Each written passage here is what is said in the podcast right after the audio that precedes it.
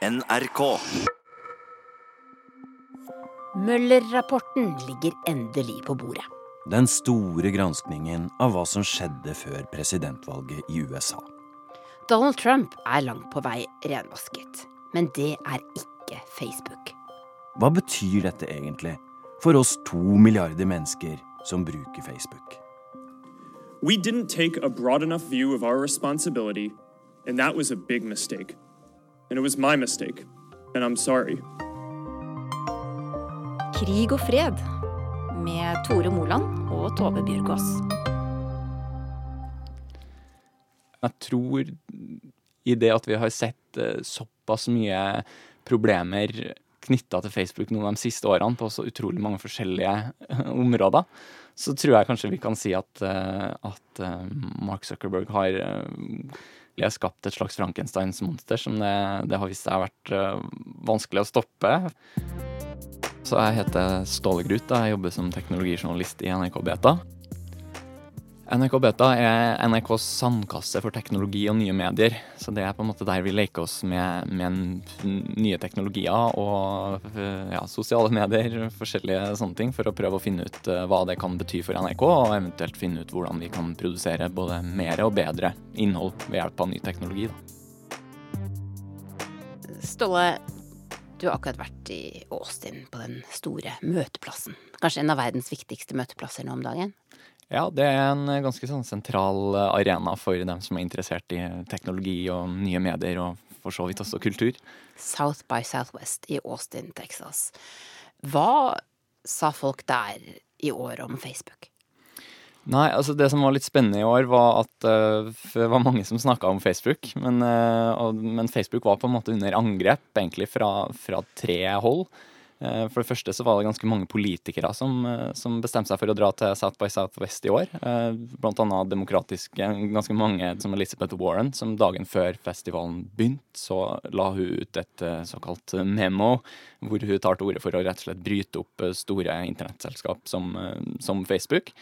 Uh, og I tillegg så har du fra teknologisida, fra egen bransje, bl.a. investorer som Robert McNamee, som er en av Mark Zuckerbergs kanskje første store ordentlige mentorer i Facebook, som nå har snudd helt og tar til orde også for å bryte opp Facebook, og at ting har gått uh, galt av sted. The problems are here. They're real. They're about the business model. And nobody at Facebook intended to have the business model go wrong. Og så har du også kulturbransjen, som også kjenner det her på kroppen. Blant annet en legendarisk musikkprodusent som heter T-Bone Burnett, som holdt en tordentale rett og slett mot, uh, mot Google og Facebook og de her store selskapene. The report says companies like Facebook should not be allowed to behave like digital gangsters in the online world, considering themselves to be ahead of and beyond the law. Kort fortalt så sier de at nå har det gått for langt. Nå er de her selskapene altfor mektige, og de bruker ikke den krafta de har, på en god måte. De er rett og slett med på å ødelegge samfunnet, sånn som mange av de her aktørene ser det. Og derfor er det på tide å stoppe opp og tenke seg litt om. 25 eh, russere ble altså tiltalt av Robert Møller for å ha blanda seg inn i den amerikanske valgkampen, bl.a. på sosiale medier. Hva, hva, er noen eksempler på, på ting russerne gjorde i 2016? Altså, de laga mange forskjellige kontoer på både Facebook og, og Instagram, f.eks. Eh, hvor de på en måte posta innhold og kjøpte også reklamer. Uh, og innholdet her varierer ganske mye. Det, det er f.eks. en profil som heter United Muslims of uh, America, som, som uh, de promoterte reklamer for. Og, og, det var en annen som het f.eks. Army of Jesus, som la ut meldinger som sier at Satan sier at han ønsker at Clinton skal vinne, f.eks., men Jesus sier at uh, ikke hvis jeg kan stoppe det, og du må like da, for å, for å hjelpe Jesus i å på en måte slå tilbake Satan og Clinton. One account was set up to try to rally the Muslim community in, in Texas. Another was an attempt to kind of rally the right wing in Texas. I den ferske dokumentaren Facebooks dilemma beskriver den amerikanske senatoren Mark Warner noen av de falske kontoene russere laget på Facebook i valgkampen i 2016. To av dem hadde som mål å splitte amerikanske velgere i synet på muslimer og endte i demonstrasjon utenfor en moské i Houston i Texas.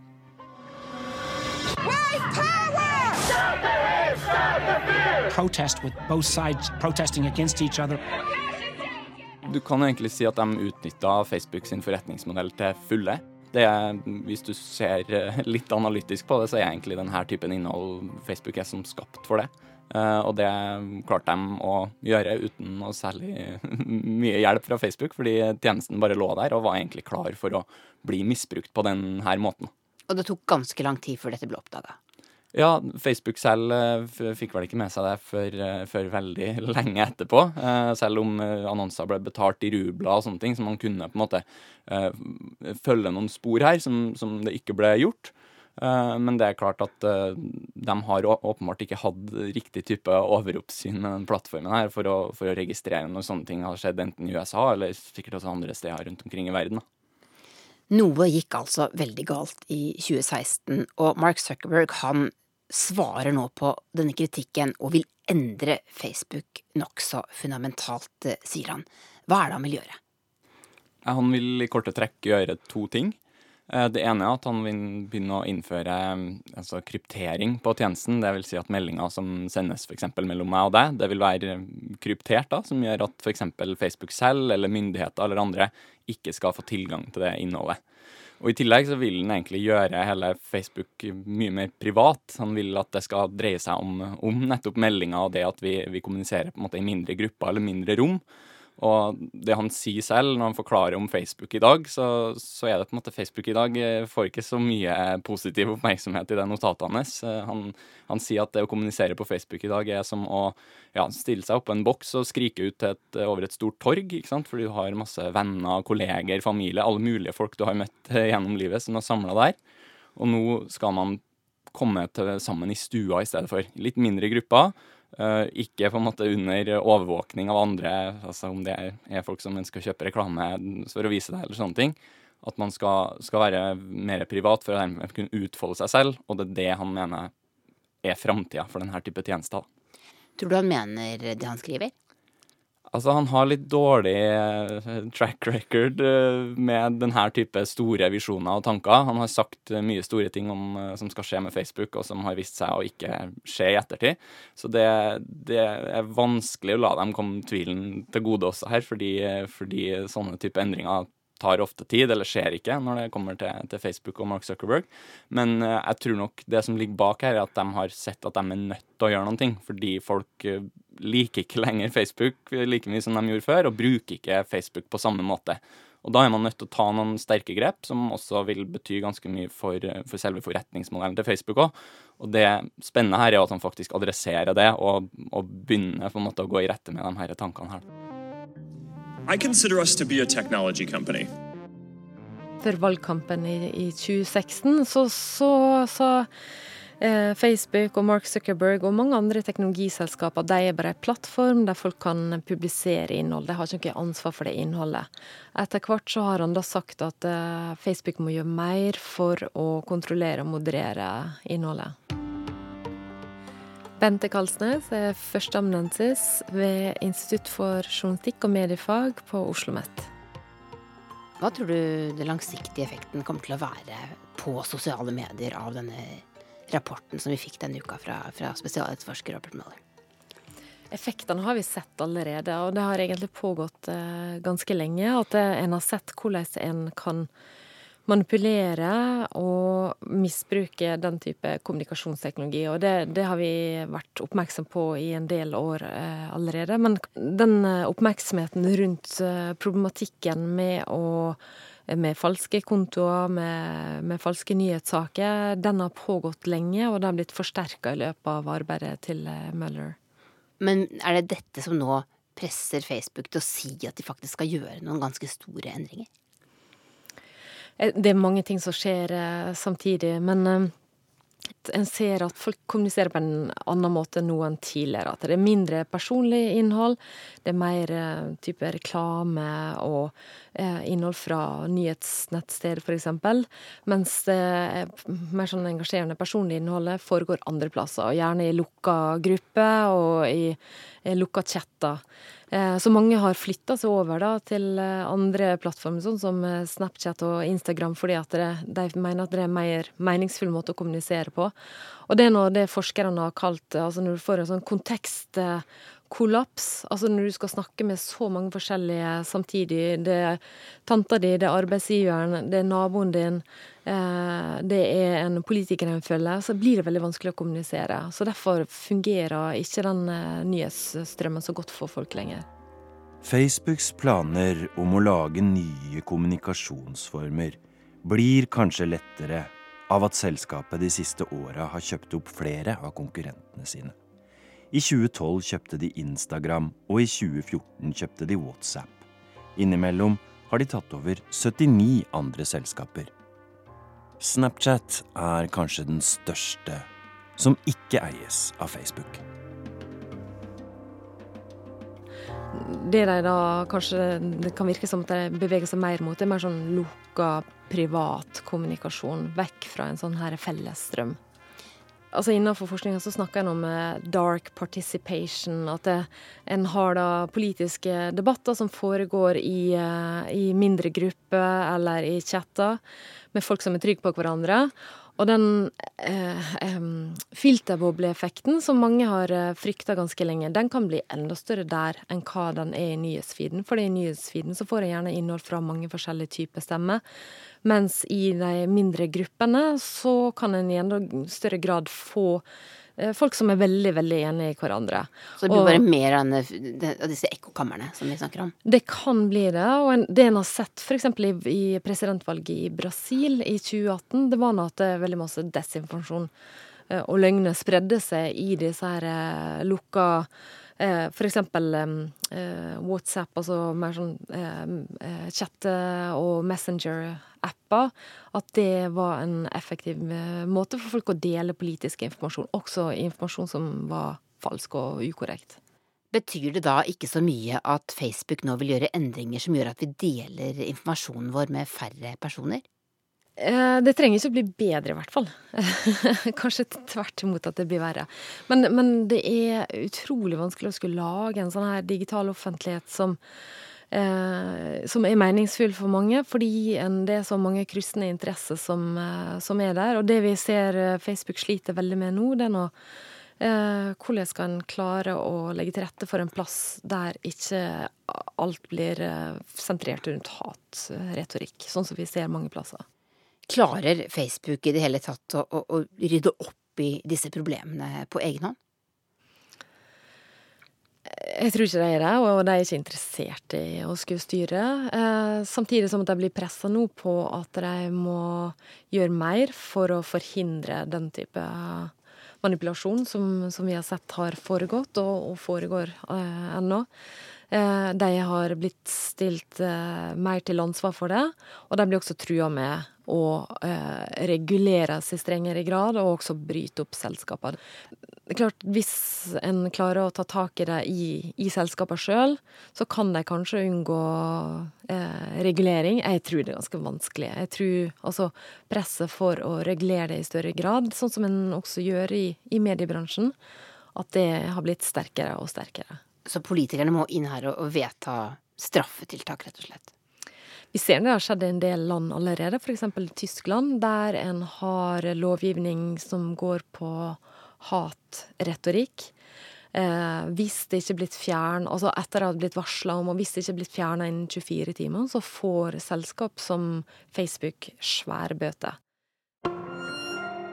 Liebe Facebook-Gemeinde, heute ist der Tag, an dem ich Ihnen danken möchte für Ihre zahlreiche Unterstützung meiner Facebook-Seite.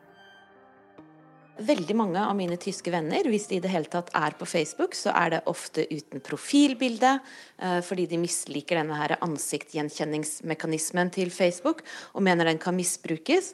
Eh, så enten har de ikke profilbilde i det hele tatt, eller så er de kanskje bilde av en tegneseriefigur eller et eh, landskap. Og mange av dem er heller ikke på Facebook med sitt virkelige navn, men beholder kanskje fornavnet og tar et tulleetternavn, eller bruker bare initialene i etternavnet. Jeg heter Guri Nordstrøm og er europakorrespondent for NRK og bor i Berlin.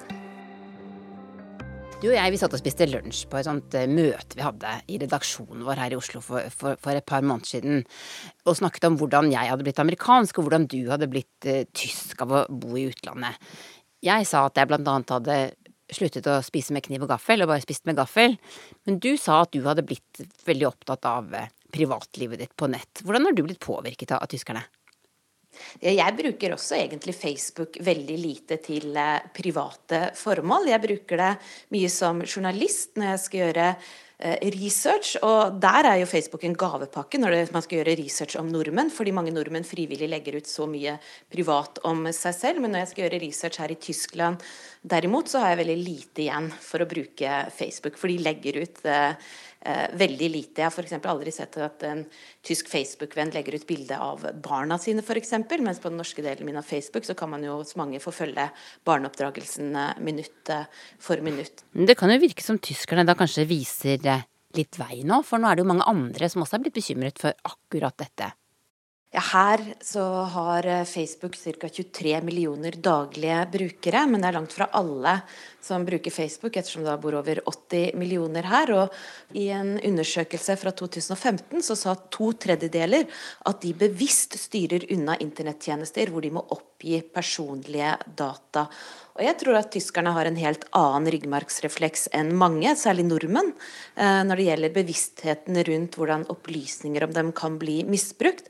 Det er ikke mange år siden den østtyske etterretningstjenesten Stasi f.eks. overvåket alle sidene ved folks liv for å bekjempe motstandere av regimet. Så kanskje har det noe med det å gjøre.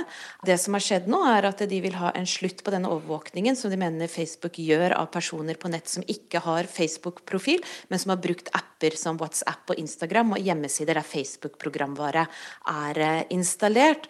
Og Bundeskartellamt, som, nå er det tyske, er det tyske konkurransetilsynet, de krever nå at Facebook i framtida må be tyske Facebook-brukere eksplisitt om å få lov til å samle og kombinere opplysninger om dem. Eh, de krever også at Facebook i løpet av fire måneder skal komme opp med et forslag for hvordan de kan gjøre dette. Eh, hvis ikke så risikerer de å få en bot på 5,5 milliarder dollar. Men Facebook har jo svart at de er imot dette, og at de vil anke eh, denne saken. Og de sier også at de har konkurranse fra YouTube, Snapchat og Twitter her i Tyskland og mener det er urettferdig at de skal behandle, an, behandles annerledes enn eh, dem. De puster liksom virkelig Facebook i, i nakken. Føler tyske myndigheter at, eh, at de har noe makt her? Ja, jeg tror de føler at de har det.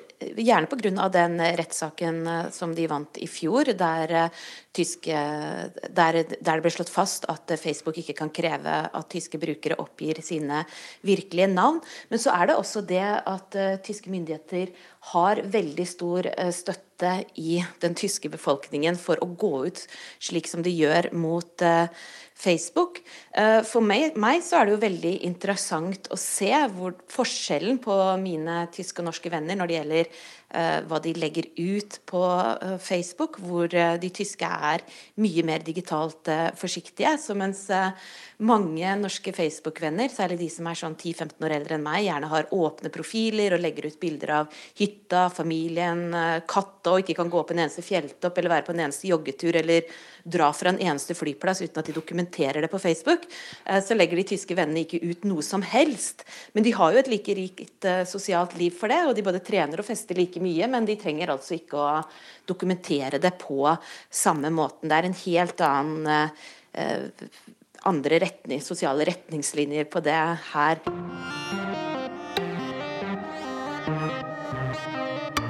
Ståle, hvordan bruker du sosiale medier? Jeg har lenge brukt mye sosiale medier. Jeg gjør det for så vidt i dag òg. Føler det med jobben min som, som, journalist på de områdene her, så er det på en måte vanskelig å holde seg helt unna. Eh, men samtidig så har jeg på en måte kjent i det siste at det, det på en måte Både i det hva tjenestene representerer, hva de eh, Eller i hvert fall hva, hvilken følelse jeg har av hva de gjør med meg, så har jeg kjent at nå har jeg et behov for å trekke meg litt unna. Eh, for eksempel Instagram. Det er jo veldig gøy å, å være på Instagram, men samtidig så blir man på en måte sugd inn i en verden som eh, som kanskje ikke er så, så gøy å være i lenge uh, av gangen. Så jeg har nå egentlig trukket meg godt tilbake fra sosiale medier. Jeg er der for å følge med litt, men kjenner vel ofte på at jeg like gjerne uh, kunne og burde sletta kontoene mine der, fordi jeg ikke det er vanskelig å stå inne for det de tjenestene representerer, i hvert fall i dag. Da. Du som jobber med sosiale medier, vurderer å slette kontoene dine? I hvert fall hos mange av de, de store aktørene i dag, ja. Men, du, hadde du klart det? Jeg kunne nok ha gjort det, ja. Hvordan klarer man det? Nei, det er å gå inn på kontoinnstillinger og så trykke deaktiver. men hvordan Men sånn psykologisk eh, Nei, sosialt sett? Jeg, jeg tror det er, eh, det er mange som, som, sier i dag at man er på en måte Hvordan skal man bli litt mindre avhengig av mobilen, og hvordan skal man på en måte slutte å være så mye på mobilen eller på sosiale medier? Og sosiale plattformer på en måte selv har jo prøvd å ta grep om det her. Facebook har lansert ting som begrep som 'time well spent', som er at du skal få mer kvalitet i, i interaksjonene dine på sosiale medier, at det skal være et tryggere sted å være og sånne ting. Det betyr også at de kan få bedre data av deg, fordi at det, du har en slags dypere interaksjon. Da. Uh, men jeg tror at um, man egentlig er nødt til å ta et, liksom, et, et, steg tilbake og tenke for sin egen del. Hva, hva får jeg ut av de tingene her? Gir det her meg mer enn det jeg jeg putter inn i det. Uh, og det er på en måte der man er nødt til å starte med seg selv. Da. Hvordan, hvordan Prøv å ta en uke pause, prøv å ta en måned pause, se hva gjør det med deg. Hvordan, hvordan føler du deg etterpå? Så kan du se da om du ønsker å gå tilbake til, til, til, de sosiale mediene på den måten, eller kanskje prøve noen andre alternativer for å holde kontakten med folk, eller dele de tingene du tenker på. Du har hørt podkasten Krig og fred fra NRK Urix.